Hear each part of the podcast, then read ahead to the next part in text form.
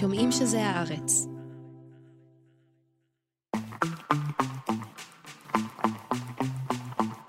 היי גילי. היי ניב. היי, שאני אבירם, שמקליטה אותנו, היי מאי בניסן שעורכת אותנו. היי מאזינות ומאזינים שמאזינים לנו. אנחנו בתרבות יום א', שהוא... פודקאסט התרבות שלנו, שבימי ראשון מספר לכם על כל הדברים החשובים. שלנו? את עיתון הארץ? אני עיתון הארץ ועיתון הארץ הוא אני.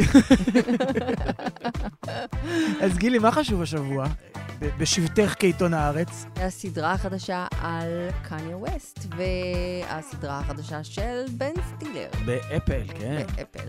ומה עוד חשוב? 15 שנה ללייבל אנובה, שחוגגים אותן עם אה, אוסף חדש. עם אלבום כפול. כן, יהיה כאן יוני שרוני, אה, שהוא גם בלהקה בלייבל וגם עובד בלייבל, וידבר איתנו על האוסף הזה, על לייבל, על אינדי ועל בכלל, על מוזיקה. וגם כיף להגיד יוני שרוני, נכון. ונדבר על הקריירה שלו בקניון רננים, שהוא כן. נטש. ונסיים בסיבוב מהיר, איזה כיף. ממש כיף. קדימה, בואי נתחיל. יאללה.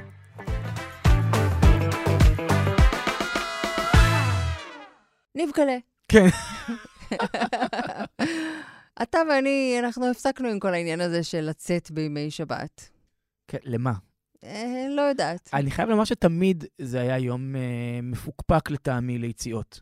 לא יודעת, אבל אה, זה עבר, חלף כל העניין הזה. כאילו זה, זה יציאה עם, אה, אני מצטער להשתמש במונח הזה, זו מילה איומה, אולי אחת המילים האיומות בעברית, אבל זו יציאה עם שביזות. משום שהדיכאון של השבוע שמתחיל, הוא כבר עוטף אותך בזמן היציאה. תראה, כשאני הייתי בצבא, אני הייתי נוסעת אה, עם חברותיי לגת רימון. לא לשן בו? לא לגת רימון. הייתי חוזרת, אני חושבת, בחמש בבוקר, מתרחצת, אורזת את התיק ונוסעת לצבא. איזה אנרגיות יש לך בתור חייל, זה לא ייאמן בגילאים האלה. היום אני, זה שאמרתי את זה בקול רם עייף אותי, ואני חושבת שאני זקוקה לשנץ. אני מלשמוע את זה, העפפיים נהיים כבדים, כבדים, כבדים, כבדים. מה חיפשת בחוץ, אלוהים יודע. בכל מקרה, במקום... במקום לצאת, אנחנו יושבים ורואים טלוויזיה, ולא Netflix and chill. אני ארדקור, כאילו. אה, אולפן. השבת, בימי אוקיי? שישי-שבת, את אומרת, אוי, יש פה מדורה, אני רוצה להתחמם בה, נכון? אני רוצה להתחמם לאור האגו של אה, דני קושמרו. בכל מקרה, בכל מקרה, אתמול אה, פתחתי את הטלוויזיה והסבתי לצפות במה שקורה. ומה אני רואה אם לא ראיון עם דניאל גרינברג, גרושתה האחרונה של בדיוק. אייל גולן, כן.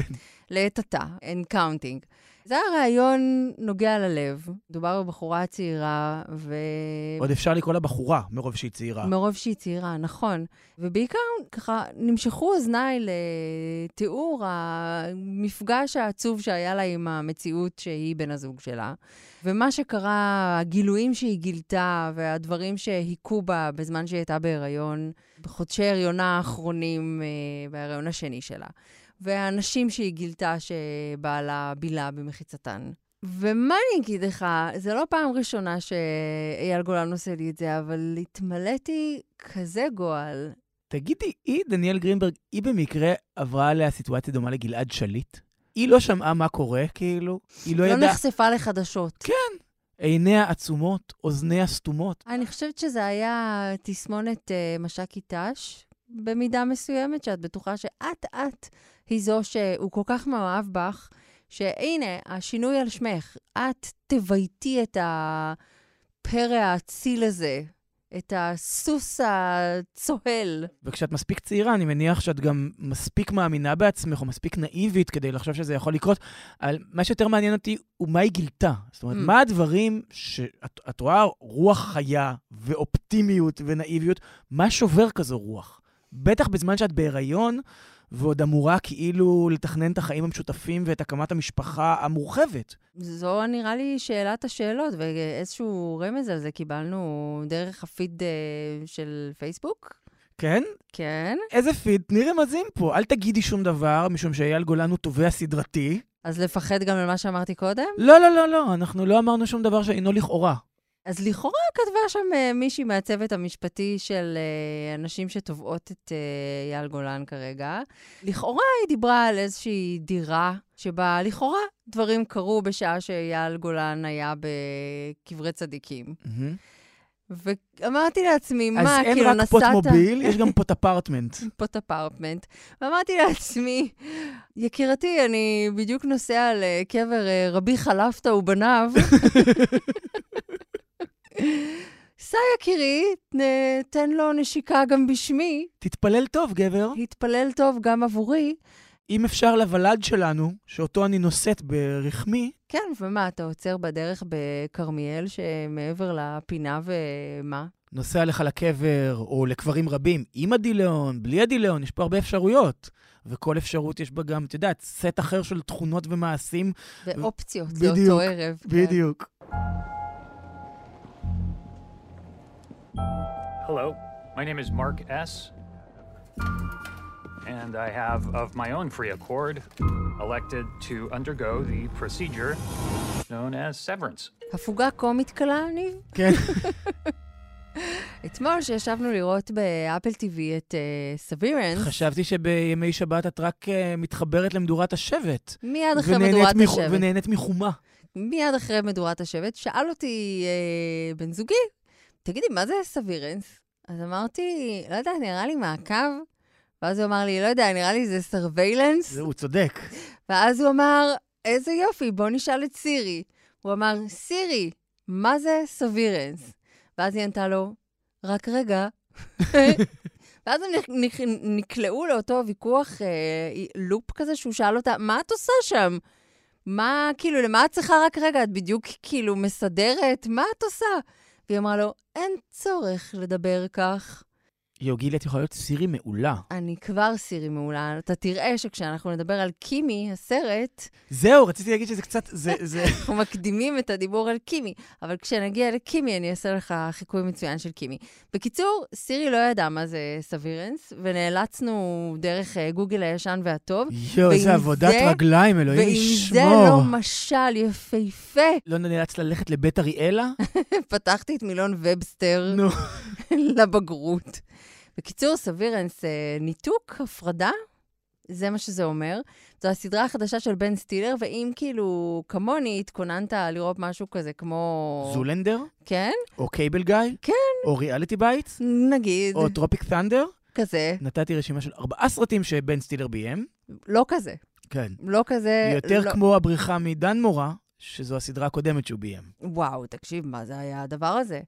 אנחנו ישבנו ואמרנו, אוקיי, זה קצת אה, המופע של טרומן, אה, פוגש את אה, שמש נצחית בראש צלול. בכלל צ'ארלי קאופמן, לא? זאת אומרת, כן. בכלל הע- העולם הזה של צ'ארלי קאופמן, שכל מיני דברים נהיים אפשריים, ואפילו הדמות הראשית, מרק, בסדרה, שאותו מגלם אדם סקוט, הוא מין סוג של אה, כפיל של ג'ים קרי. הוא לא מאוד שונה מאיך שהוא נראה, זה נכון. לפחות איך שעיצבו שם את, את הפוני שלו וכזה. משהו עם השיער שם, אה, זה, והפנים המרובעות האלה. בקיצור, איך אפשר להתחיל בכלל לדבר על הסדרה הזאת? היא מין חזון כמעט אפוקליפטי על עבודה. לי זה הזכיר אסתטית sci-fi סובייטי כזה, Hmm. מה- 70's, של איך זה יהיה בשנת 2000? בדיוק, כזה. נכון? עם, המחשב, עם איך שהמחשבים נראים, וזה מעין, אני חושב, הווה חלופי. זאת אומרת, זה לא פוסט-אפוקליפטי וזה לא דיסטופי, לא, לא. זה נראה לי פשוט הווה חלופי. זה פנייה אחת אחרת ברצף הפניות הטכנולוגיות, והיינו שם. איך אני אוהב כאלה, באמת. זה, זה כאילו, זה התחיל, ואני אומר לשירה, שירה, זה השיט שלי, זה בדיוק מה שאני רוצה מטלוויזיה. זה הדבר האמיתי שלי. כן. אני רוצה חידות, אני רוצה לא להבין. אני רוצה לראות שעה ולא להבין, אולי בחמש דקות האחרונות. בסוף, שם להתחיל שדברים יתבהרו לי. זה לא עניין של הבנה, אני רוצה חזון שהוא אחיד, שיש מישהו שיודע איך הסדרה שלו נראית, ולאן היא מתקדמת, ומה הוא רוצה מהשחקנים שלו, ו- ולאן חותרת כל אינטראקציה, וזה נורא נורא חזק שם, את קולטת שיש שם חזון מאוד מאוד מגובש, גם של בן סטילר וגם של דן אריקסון שכתב את זה, ואת כאילו אומרת, רגע, זה מבוסס על אה, פודקאסט? זה מבוסס על ספר? לא. זה מקורי שלא. שזה עוד משהו שנורא נורא אני אוהב בזה. זה לא פם וטומי, וזה לא מוניקה וביל, וזה לא משהו שמרפרר למה שאנחנו מכירים, וזה לא דוקו, שעוד מעט נדבר גם לדוקו שהוא דוקו קצת אחר, של טיפוס מוכר, וזה משהו שהוא חדש לגמרי, עם רעיון מבריק ומקורי במרכזו. ומה הרעיון הזה, גילי? בדיוק באתי להגיד, אולי תגיד כמה מילים על הרעיון של uh, הפרדה או ניתוק. אנחנו מדברים על תאגיד ענק שחלק מפעולותיו uh, חסויות, בשם לומון, ובחלק מהמחלקות של uh, לומון עובדים אנשים שבשביל לשמור על חשאיות גמורה, עוברים הליך של ניתוק זיכרונות. זאת אומרת שכל עוד הם נמצאים במקום העבודה שמונה שעות ביום, הם לא יזכרו דבר ממה שקורה שם בחיים הרגילים שלהם, עוד דבר מהחיים הרגילים שלהם, לרבות איך קוראים להם בזמן שהם נמצאים במקום העבודה. ואם זה לא איזושהי מחשבה על איזון בין, אה, נכון? בין כן. עבודה ובין פנאי. Work-Life Balance. כן, ועל. המשמעות של אה, זיכרון, המשמעות של מי אנחנו כשאנחנו מבצעים את העבודה שלנו, ואיך העבודה שלנו קשורה לאישיות שלנו. וזה גם טיפה הזכיר לי את כל הדיבורים האלה על המחסני ענק של אה, אמזון. אתה יודע שאנשים גרים שם בתוך ועושים עבודה במשך כמה חודשים, נמצאים שם במחסן הזה וגם עובדים, והכל כאילו... ומאבדים תחושת זמן. כן, והכל מתערבב להם עם הכל, מין עבודה כזו שמתאימה לכל מיני נוודים מודרניים שנמצאים ותקועים שם במשך כמה חודשים, כמו נגיד ב... ארץ נוודים. בדיוק, כמו בארץ נוודים. אז זה מין טייק על זה, אבל כמה אתה מרשה לעבודה שלך לקחת, וכמה אתה מאפשר לעצמך להיות אדם אחר לגמרי באזורים שונים של החיים שלך. זה גרם לחשוב שני דברים. כן. אחד, באמת על האיזון הזה של uh, עבודה וחיים פרטיים, והעובדה ש... דיברנו על זה כבר כאן, אבל המשפט הכי מדכא שקראתי בשנתיים האחרונות, uh, בהקשר של עבודה בזמן המגפה, הוא שזה לא שעברנו לעבוד מהבית, אלא עברנו לגור בעבודה. Mm. ואתה רואה את הדבר הזה, אתה רואה את ממש דיכוטומיה הזאת, את קו הגבול שניצב בין אדם, מישהו כשהוא בחוץ, מישהו כשהוא בפנים, וזה קצת גם מעורר קנאה במובן מסוים, זאת אומרת, את איך שהעבודה השתלטה על כל חלקי החיים שלנו, ומכיוון שאנחנו עושים הכל באיזה מין היבריד כזה של, אמנם אין לי ילדים, אבל אני יכול להסתכל על חברים ומכרים אחרים שכן יש להם ילדים. רגע, אני משתיק את הילדה, הנה אני חוזר לישיבה בזום, הופ, אני מכין ארוחת צהריים, אוי, שנייה, אני צריך להכין את הדוח הרבעוני שלי, שהכל מעורבב אחד בשני. אז פתאום זה היה נראה כמו משהו נורא נורא אחר ממציאות אחרת, שזה מתאים גם שתהיה מציאות אחרת, משום שזה הווה אלטרנטיבי, אז אין שם קורונה. כן, וגם אה, צריך להגיד שאותו תאגיד אה, לומון, הדמויות שמופיעות שם והדמויות שמופיעות בחיים של אה, אותם אנשים שעוברים את התהליך הזה, יש השקה ויש משהו שהוא מבשר רעות. כן, הדבר השני אבל שחשבתי... כמובן שקורה שם. רגע, לפני שתגיעי למבשר רעות, וגם נגיד מי משחק, הוא מבשר רעות בעצמו. הדבר השני שחשבתי עליו, זה זה שנגיד אני, סליחה שאני מדבר על עצמי, כן, אבל רק על עצמי לספר ידעתי, העבודה היא גם ההוויה שלי. זאת אומרת, הניתוק הזה, מי אני כשאני לא ניב שעובד בהארץ? וואי, זה... מי אני כשאני ניב שאלה של, מעולה. שאין, ש, שהוא לא ניב של הפודקאסט, או ניב שכותב את אה, עין עצלה? נגיד, אני, מישהו בא אליך ואומר לך, אה, גילי, אני מקשיבה לפודקאסט וזה. ואז היית עונה לו, מה? על מה אתה מדבר?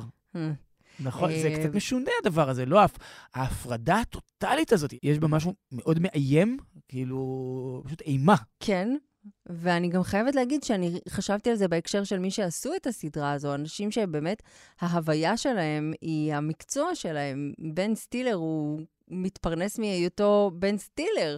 כאילו הפרסונה, הפרסונות של כולם שם הם חלק ממה שמביא אותם, זאת אומרת, זה מין מערכת סגורה שמזינה אחד את השני. אבל הנה בן סטילר יודע לעשות את ההפרדה. הנה אני במאי נורא רציני, שמביים, נגיד, את הבריחה מדן מורה, סדרת מת, פשע מתח, מעולה, מיני סדרה, יש לה, לא זוכר אם זה שבעה פרקים או תשעה פרקים, אבל עפנו עליה בזמן. ממש, ממש אהבתי. וגם פה, זאת אומרת, מביים משהו נורא רציני, לעומת זה שכלפי חוץ הוא קומיקאי. אבל אני חייבת להגיד שמדי פעם בורח לו שם איזה משהו, ב... כאילו בורח לו בבימוי, ב... אפילו בהבעות הפנים, בתגובות, כאילו תגובות פתאום פתאומיות, שאתה אומר לעצמך, "מ, הנה אתה. תראי, אדם סקוט הוא השחקן הראשי בסיפור הזה, לפחות בינתיים, נכון? אז הוא, התפקיד הכי רציני שלו, מעבר לאנשי המסיבות, שהייתה סדרה מעולה, Party Down, זוכרת, שתי עונות פשוט מדיר, אדירות על אה, חברת קייטרינג, זה במחלקת גנים ונוף, שהיא סדרה קומית, אז את האינטואיציה הקומית אה, יש לו, היא טבועה בו עמוק. חוץ ממנו, מי עוד מופיע שם, גילי? תזכירי לי. זאת פטרישיה ארקט? זו בהחלט פטרישיה ארקט. כן, אז איך שראיתי אותה, אמרתי לרם, או-או, היא רעה. כן. היא שם רעה. שהייתה בבריחה מדן מורה, כן. עשתה שם תפקיד אדיר. תפקיד מדהים. וגם שיחקה עם בן סטילר ב- Flirting with Disaster של דיוויד או ראסל, אני אז ראיתי. וואי, איזה סרט. מה- nineties, מאוד מוצלח. אז הם. כן. וג'ון טורטורו, האיש שלעולם אני אסתכל עליו כמישהו עם בעיות אה, דרמטולוגיות רציניות בכפות הרגליים. בגלל The Night Of. כן. יש שם באמת, אה, אנסמבל השחקנים הוא מרשים מאוד. רגע, אני גנבתי עוד פרק, וגם כריסטופר ווקן מגיע, שתדעי לך. אה, שזה אם... אם, אה, אם היה יש מישהו קצת, שהוא כן. פרש האפוקליפסה של אה, זה, זה הוא. אבל גם יכול להיות נורא מצחיק, נכון. נכון? זאת אומרת, גם לו יש את, ה, את העניין הזה. אז Severance, כן? Severance, ככה יש כן, לומר? יש לומר. יצאו בינתיים שלושה פרקים, ומעכשיו זה יהיה פרק כל שבוע. ונזכיר שאפל TV יש לכל מי שיש לו מכשיר של אפל. אז כן. כאילו אם יש לכם אייפון, יש נגיד. לכם אפל TV. כן, אה, אז זה די שווה, זה לא בשמיים. ונדמה לי כבר, דיברנו על זה פה, אבל זה הולך להיות השנה שלהם. זה די ברור לי, כאילו, זה התחיל עם The After Party שאת היית קצת מסויגת, מהמם. וככל שהסדרה מתקדמת, שמעתי שזה מצחיק אש. זה ממש כאילו. מצחיק, וכל פרק הוא גם בז'אנר אחר. נגיד, יש אה, דמות שהיא יותר, מה שנקרא, flamboyant, מהמם. אז הפרק עליה הם מחזמר, ויש דמות שהוא כאילו יותר הבריון, אז הפרק שלו זה כמו סרט אקשן. כל פרק הוא ברוחו ובסגנונו של, של הדמות שבמרכזו. מגניב. אז גם יש את הסדרה הזו, וגם עכשיו עלתה הסדרה של בן סטילר. נראה שקורים שם דברים. ונעבור לדבר השני שקורה השבוע, שהיא הסדרה על קניה. And also, I got Cootie on the camera. Rhyme Fest right there. Me and Fest got to an argument in the car. Y'all felt like he disrespected me, man. Tried to say I wasn't a genius. Uh, but who are you to call yourself a genius? הפרק הראשון שלה עלה ביום רביעי, די בהפתעה כזה. כן, זה פתאום מופיע שם, נכון? כן. כאילו לא היה איזה ביג PR, אה, ידעתי שזה הולך לקרות, ופתאום זה קרה. כן. ואני מודה שאחרי שנודע לי שהדבר הולך לקרות, ואתה ואני סיכמנו שנצפה בזה, אז אה, צפיתי בזה, וזה השאיר אותי משועממת? ממש... למה? מה חשבת שיקרה? כאילו, למה ציפית? שיהיה כאילו מלא שננגנס כאלה של קניה האמת העכשווי? שלא, זה, האמת את שלא ציפיתי הסכסוך ל... אה, בינו לבין קים, כשהוא יורד על בן הזוג החדש של הפיט דיווידסון מ- Saturday Night Live, וכל הזמן, ונגיד, הוא טען והפיץ שפיט דיווידסון הוא נשא HIV. מה שכמובן לא נכון. איזה איש מתוק. כן. לא, האמת שמה שקרה זה ש... סליחה, סליחה, אבל הוא לא מעניין אותי, קניה ווסט. מה? אני, צר לי, אני לא... אבל הוא מ- איש לא מרתק. טוב, בעיניי הוא איש מרתק. מרחף שם בספרות אה, אחרות של מחלת הנפש, שיותר צר לי עליו, אני מקווה שהוא מקבל טיפול טוב, אבל כאילו אין לי רגש אליו. אבל את לא, לא מעניין אותך לראות איך הדבר הזה יתפרץ או יתפתח. מודה אה, ש... לא, אז אותי ממש כן. וראיתי את הסדרה הזו... אל תכעס עליי. אני לא כועס. אל תיעלב. אני גם לא נעלב, משום שא', אני, אני לא כזה מעריץ של קניה, בתור מפיק כן, אבל uh, בתור ראפר לא ממש. מהמם. אחת הסיבות, יש סצנה לקראת סוף הפרק הראשון, אגב, יהיו שלושה פרקים, כל אחד מהם של שעה וחצי, סך הכל ארבע וחצי שעות על uh, עלייתו, עלייתו ועלייתו של קניה ווסט, אבל את יודעת, יש שם הרבה משברים נפשיים, גם ההתפרצות של מחלת הנפש, גם המוות של אמו האהובה דונדה, שמלבדו היא היחידה שמאמינה בו כמו שהוא מאמין בעצמו, נכון? אם לא יותר, כן. כן. מנסחת בו את הביטחון הזה. מה שרציתי להגיד זה שרואים אותו יושב לצד אה, מוס דף, הראפר, ויושב שם עם טליב קואלי, השותף שלו בבלאק סטאר, ומוס דף עושה איזה פרי סטייל כזה, ו- ושר מול המצלמה ומול המיקרופון, ואת אומרת, וואו, איזה כישורים ורבליים מדהימים יש לאיש הזה. ואז קניה לוקח את המיקרופון, ופתאום זה נהיה כזה שאנן בלה, סטריט. נכון? פתאום זה נהיה כזה, אני לא מהחנונים, לא מפחד מהסיכונים. זאת אומרת, אוקיי, אולי כדאי שתתמקד בביטים. הוא השתפר גם כראפר, והוא הוא, בתור אומן, זאת אומרת, אוקיי, אני לא מת עליו כראפר, הוא כן אומן מגה חשוב. ובאמת, האומן שהצליח להביא את ההיפ-הופ, אני לא רוצה להגיד לדרגות הפופולריות הכי גבוהות, אבל בטח לתודעה הכי גבוהה. זאת אומרת, בזכותו יש הכי הרבה מודעות להיפ-הופ. בזכות קניה, בזכות הדברים שהוא עושה, והוא זה ש...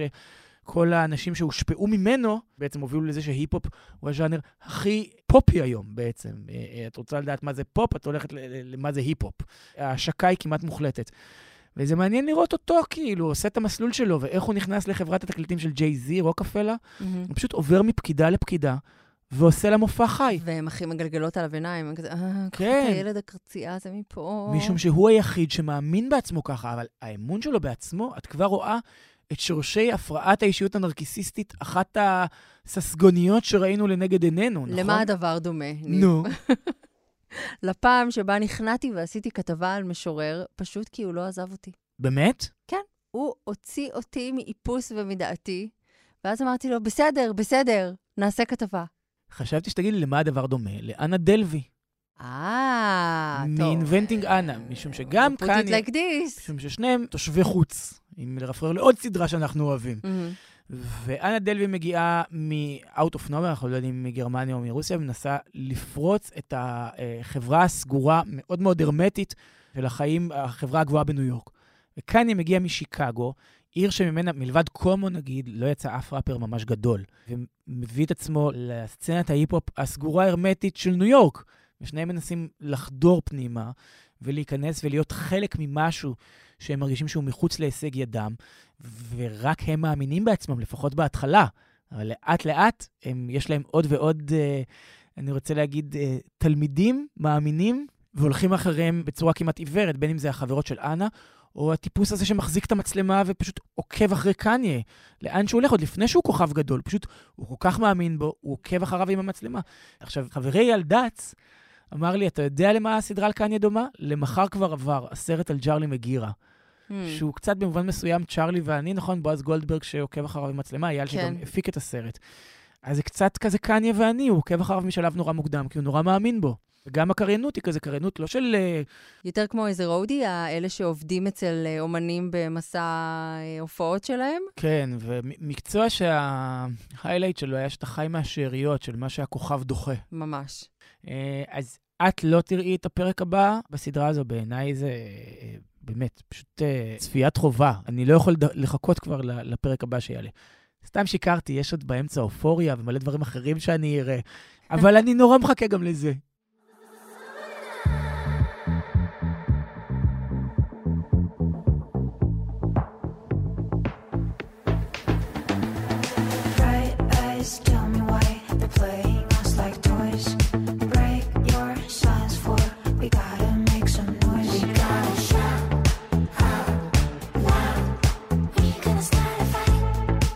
אני מחזיק בידי גילי את הנובה מיוזיק 2006 עד 2021. האלבום. The First Years, כלומר זה לא פוסט מורטם, A Story of Tel Aviv's Indie Scene, אוסף שמסכם זמנית.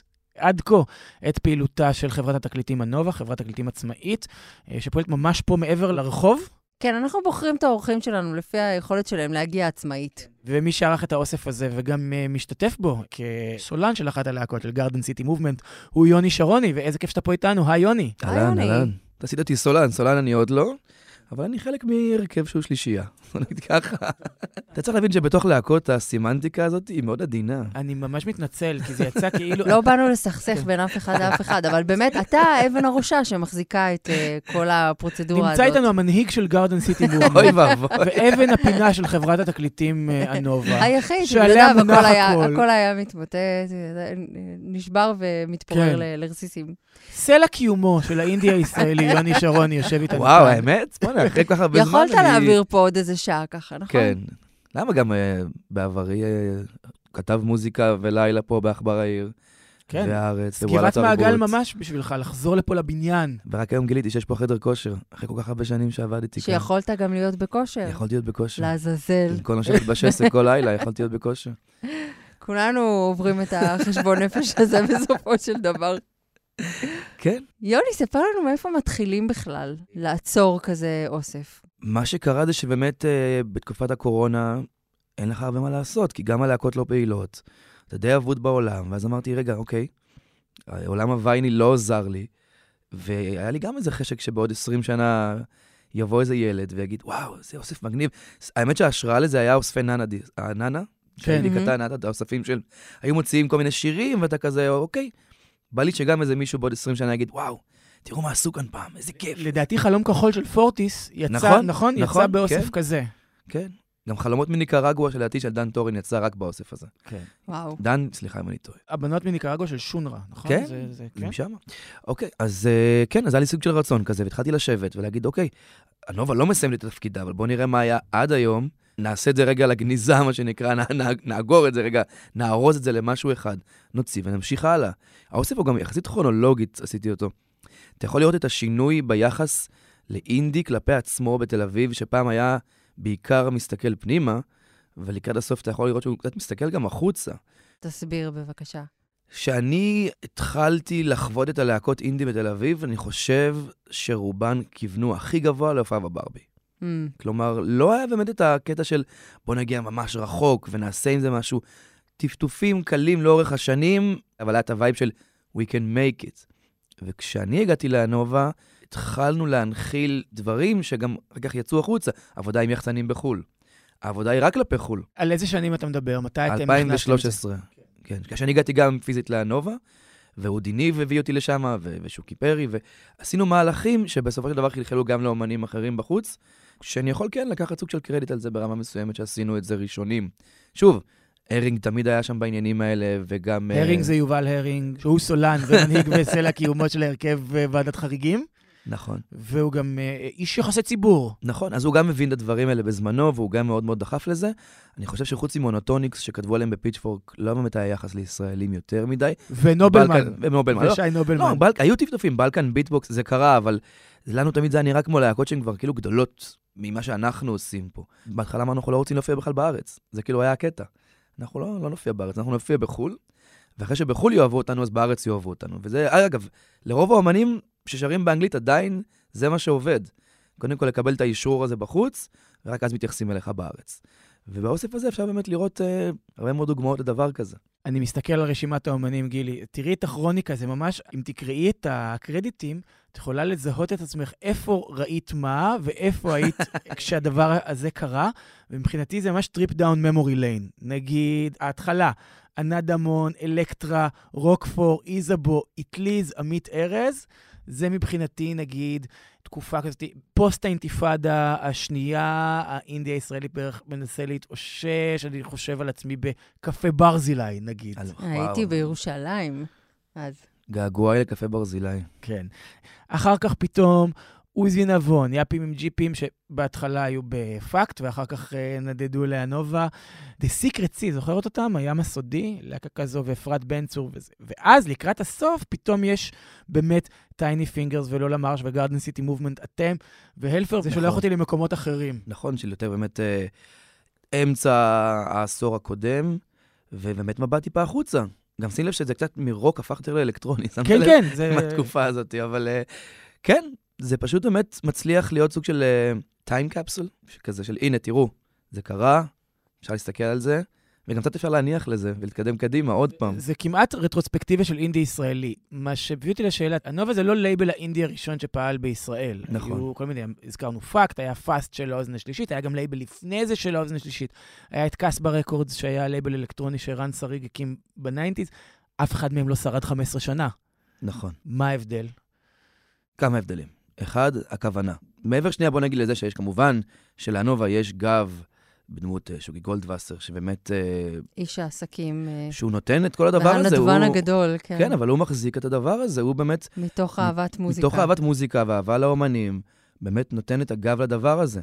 אני חושב אבל שעם השנים, מה שלמדנו, שגם אפשר to make, לא money, זה לא בדיוק money, כי זה לא הייטק, אבל איך לייצב את זה. וזה הרבה על שוקי פרי ועל מי שמנהל את הדברים האלה, של איך באמת גם להפוך את זה לעסק שיכול לשרוד, לפחות בתקווה בעתיד, לגמרי בזכות עצמו. גם בעידן הסטרימינג, הפיל, הכנסתי אותו עוד יותר פנימה, כן. עמוק. לחדר.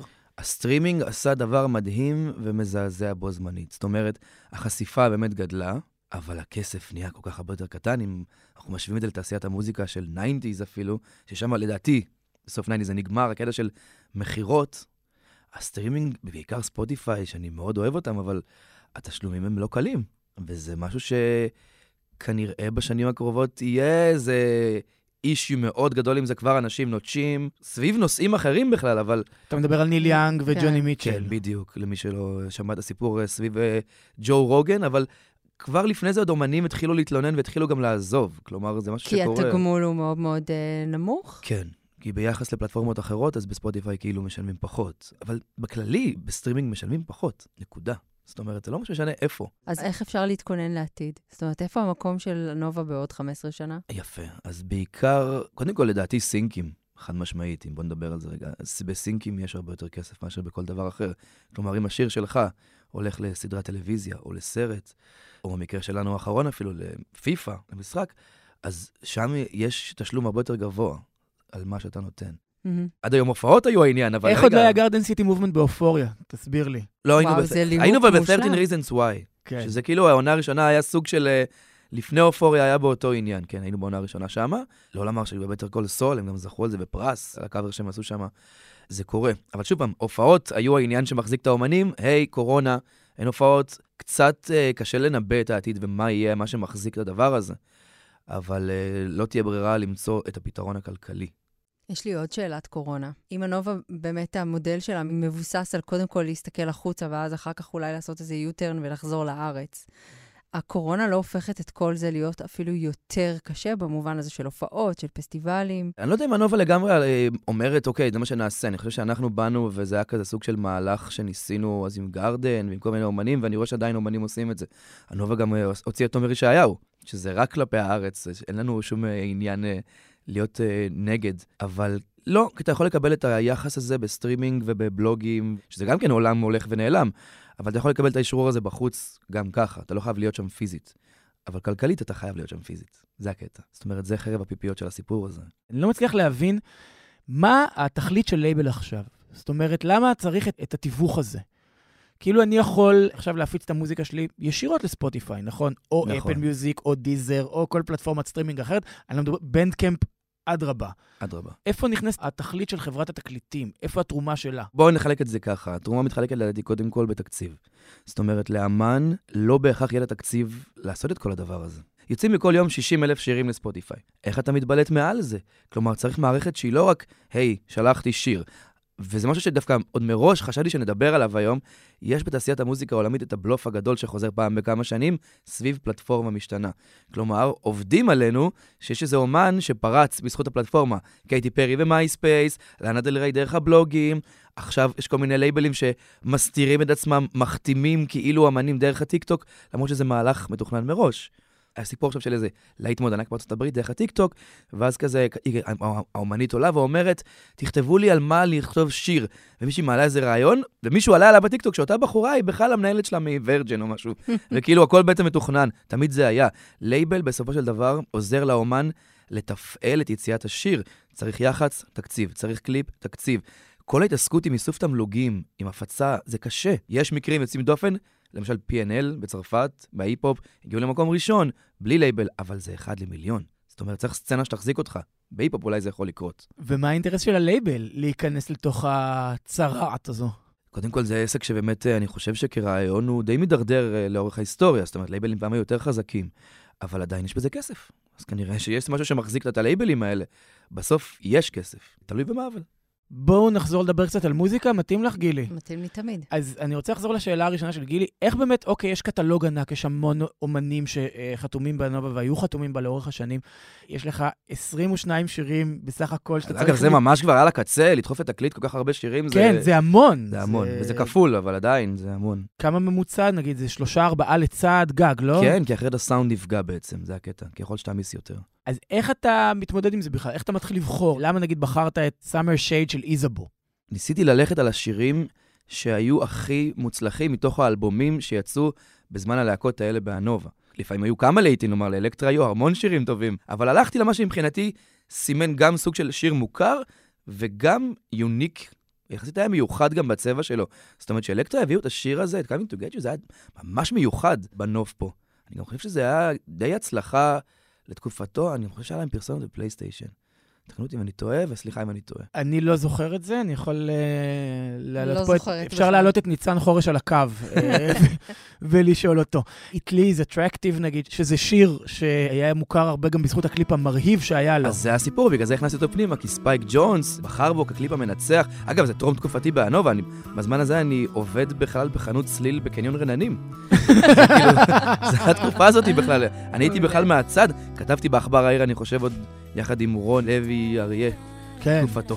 רון הרבנות. רון אה, הרבנות. כן. זו אותה תקופה, אבל אני זוכר מהצד את הסיפורים האלה, אז אמרתי, וואו, הנה שיר שאם אני זוכר אותו כמישהו מהצד, כנראה שהוא היה מספיק חשוב להיות בתוך האוסף. ונגיד בני עמל, לא לשים שיר מקורי, אלא דווקא עיבוד לאלוהים שלי עייף של נושא המקבעת. זה סתם היה בחירה מהלב. אני חושב שזה פשוט מעין ביצוע שממש רציתי שיהיה בתקליט. הלב רוצה מה שהלב רוצה. טוב, היה לי גם את האופציה להחליט מה שבא לי בסוף, אז ניצלתי את הסיטואציה. איך זה עובד, הכובע הכפול הזה שלך? גם כן. כמי שיש לו להקה, בלייבל וגם כמי שמנהל כובע משולש, וכמי שחובש כובע. כן, אבל אה, עגול. כן, בעיקרון, מנסה להימנע כמה שיותר מהסיטואציה של ניגוד עניינים, אבל התעשייה פה קטנה מדי בשביל שאני אוכל להגיד, אוקיי, אני עושה רק את זה או רק את זה. ברוב המקומות שמתעסקים בדברים האלה, זה תמיד קורה. יש פה כל מיני חברות שבסוף אותו בן אדם גם עובד בתוך הדבר הזה. זה דבר שהוא קורה. אתה מנסה להימנע, איכשהו בסוף, יוצא שאני הכי כביכול במרכאות מזיק לעצמי, כי יכול להיות שאם לא הייתי עושה את הדבר הזה, הייתי מתעסק הרבה יותר ב Garden, אבל מתוך אותו מקום אני מתעסק הרבה יותר באומנים אחרים. וזה בסדר. ומה הלאה עם Garden City Movement? הוצאתם שיר משותף עם אה, לא למר ששמענו קודם. לפני שדיברנו איתך, אתה לא יודע את זה, אבל שמענו אותו. אוקיי. מה הלאה?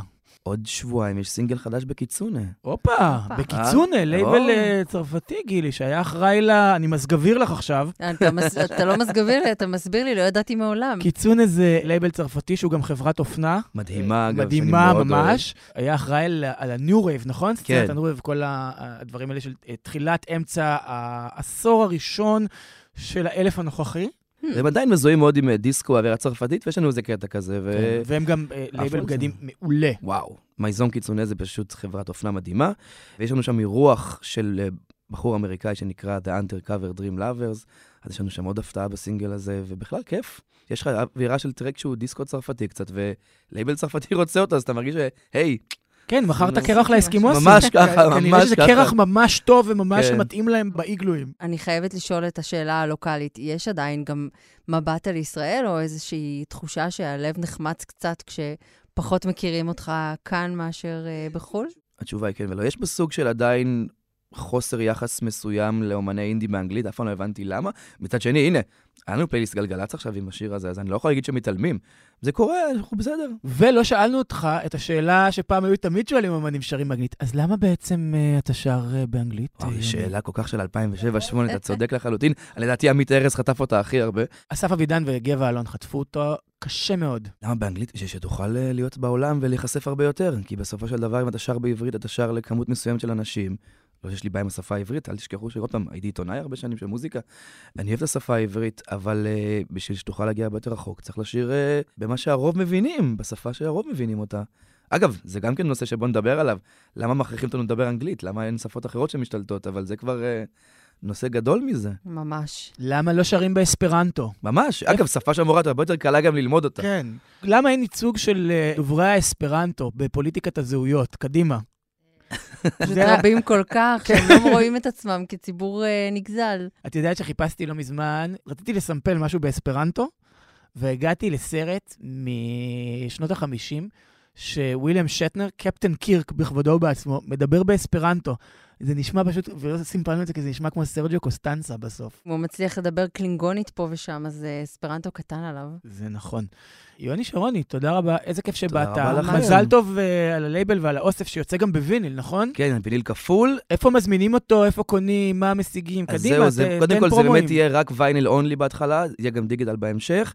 יצאו מספר מאוד מצומצם של עותקים לחנויות, לדעתי השבוע. אז מי שיספיק אה, לרכוש, לרכוש, כיף, אבל חוץ מזה לא יכול מה עם פסטיבל אה, לציון המאורע? בזום. כן. האמת. אנחנו עושים איזה אירוע צנוע כרגע, ממש במשרד, בקטע של רק אה, לחגוג את הסיפור, אבל אולי בהמשך אה, יהיה איזה, הבאת לי איזה רעיון עכשיו, כן. כן, פסטיבל. האמת שאני חולם על איזה בלוק. פארטי בקריית המלאכה. נו, מה, זה עיריית תפור תל על אביב, זה, כן. אנא התקשרו אליי, בוא נפיק את זה. הבנו שזה המתחם הבא. המתחם הבא. אזור. הבילויים הבא של ישראל. ממש, כל כך יפה ונקי. קריית המלאכה. אזור שממלא אותך אופטימיות סך הכל. וואו, אם זה יהיה כמו יד חרוצים, יהיה מזעזע פה. אתם מכירים אה? את המשחק? קונדום או כפפה?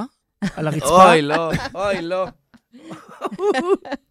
האמת שזה רק קונדומים פה. בואו נודה בעובדות. ברוך שם כבוד מלכותו לעולם ועד.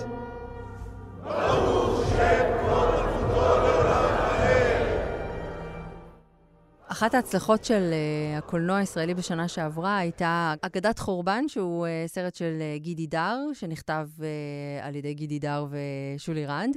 היה אחד הסרטים שנצפו הכי הרבה בשנה שעברה בקולנוע הישראלי. את היה... מרשה לי לקרוא לו אגדת חרבו דרבו? אני כמחווה אלייך? מאיצה בך לקרוא לו אגדת חרבו דרבו.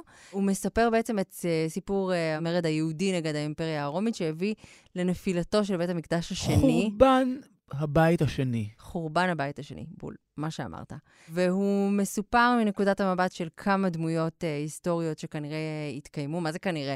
הסרט כולו מבוסס על כתבים היסטוריים ותעודות היסטוריות מאז, מה שהשתמר, ואגדות תלמודיות, שגם הן התגלגלו לאורך הדורות, על כתביו של פונטיוס פילטוס, על כתביו של יוספוס פלביוס. ממציא שיטת הפלביוס.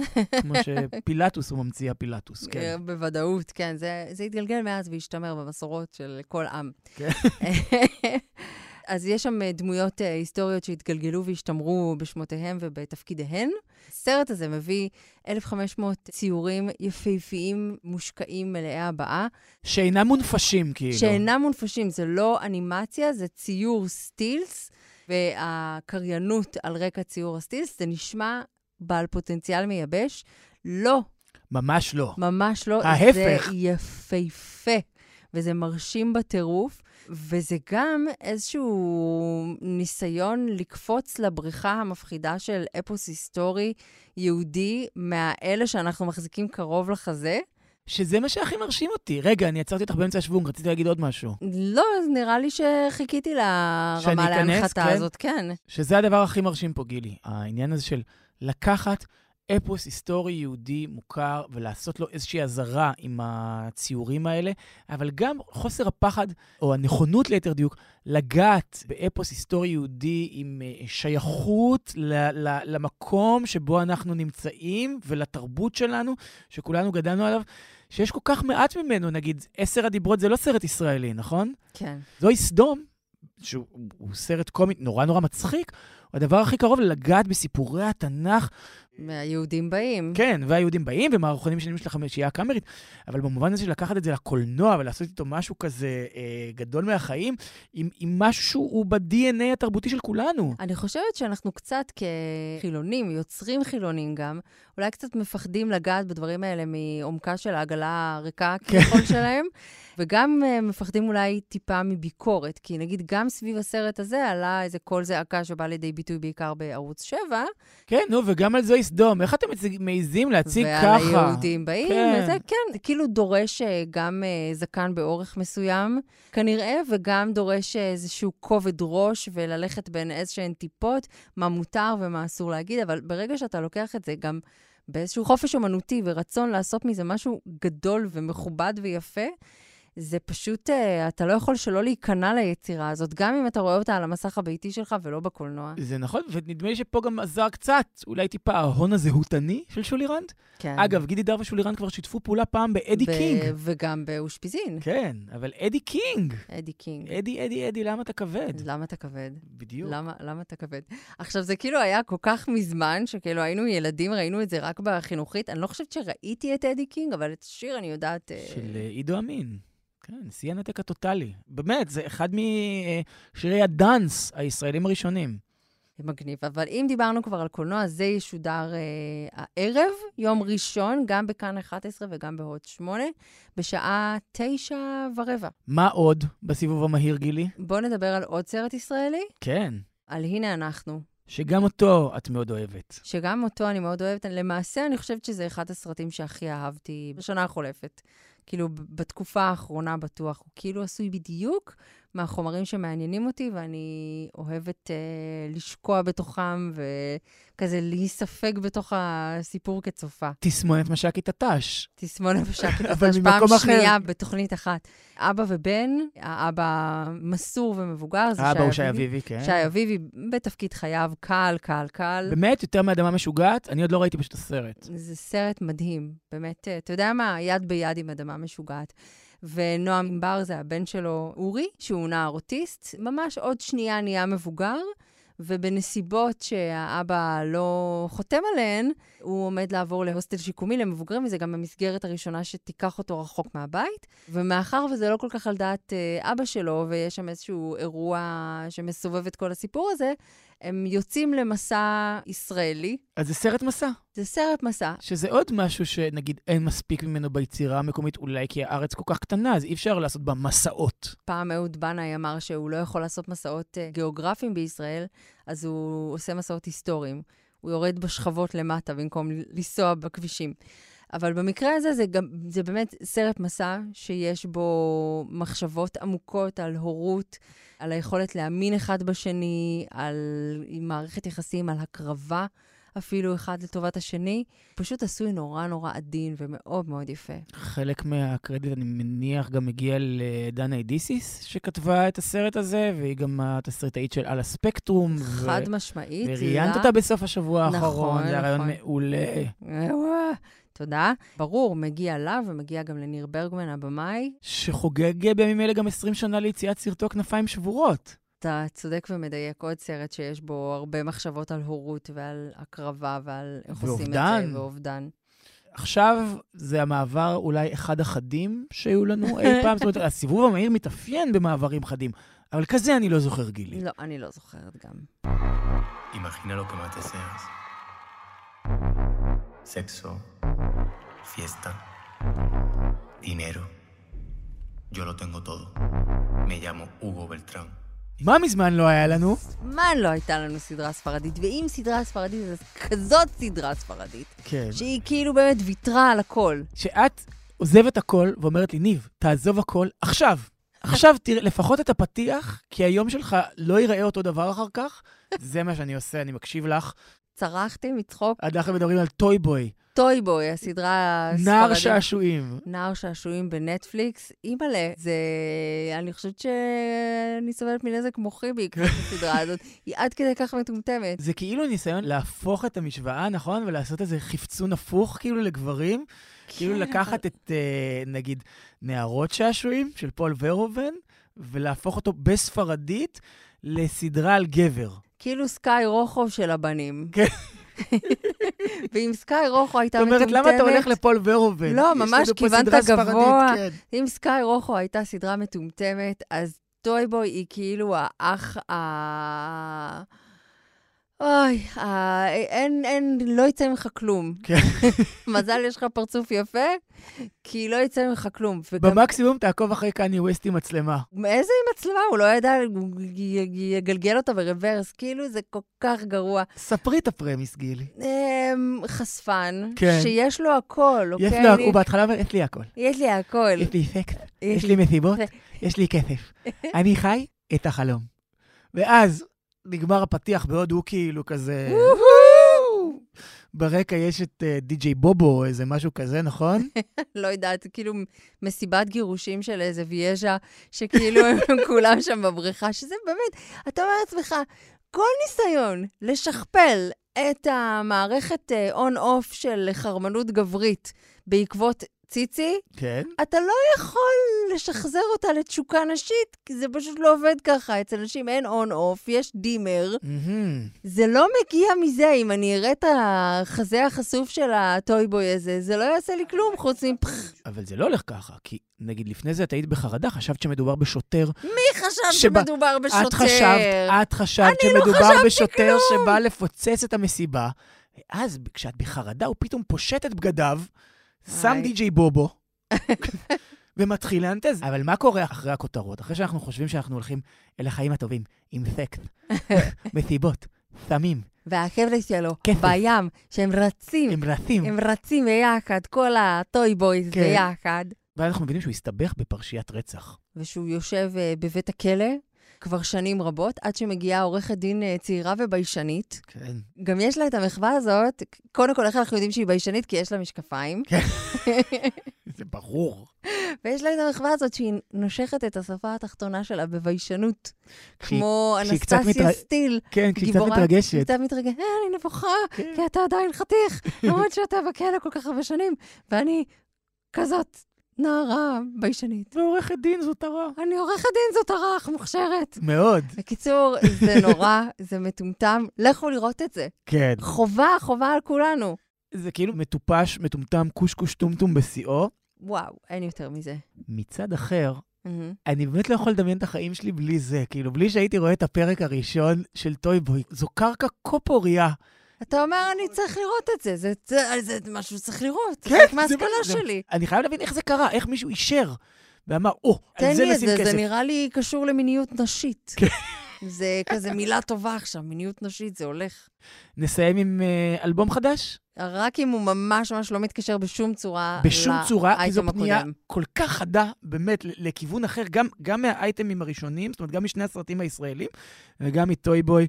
אה, יש אלבום חדש, שימי לב, אני מקווה שאני אומר את שמה נכון, גבילן ריינה רוסו, שהיא הקלידנית הבכירה הייתה ב-LCD Sound System, היא האשת המודולר, היא זו שבונה סינתסייזרים בעצמה, ומתפעלת את כל הקטע הזה ב-LCD Sound System. היא עזבה, משום שהיא רוצה להיות אומנית אה, מוכרת ומכובדת בזכות עצמה. יש לה אלבום חדש שנקרא Trans Feminist Symphonic Music. את יכולה להבין בטרנס פמיניסט שמדובר בטרנסית. ואני יכול להגיד לך, עדות יד ראשונה, שכשהייתי, דיברנו, אני חושב לפני שבועיים על ההופעה של LCD, או לפני שבוע, כן. לפני שבועיים, נכון? על ההופעה שראיתי של LCD, פשוט אי אפשר שלא לבהות בה, כי היא מוסתרת כמעט כולה על ידי מקלדות, שהיא בנתה את כולם, כן? על ידי סינתסייזרים כאלה מודולריים. ואז את רואה אותה רוקדת במין עדינות כזאת, מהפנטת, כל כך יפה. מי שלא ראה אותך זז עכשיו ורוקד כל כך יפה ומזיז את הידיים וככה אני- באלגנטיות. כן, ככה פשוט, המבט שלי נמשך אליה כל ההופעה, רק בהיתי בה רוקדת, וזה גור- גורם לך לרצות לרקוד כמוה ולזוז לפי הקצב אתה זוכר שלה. את הסרט הזה, הפלישה ממאדים?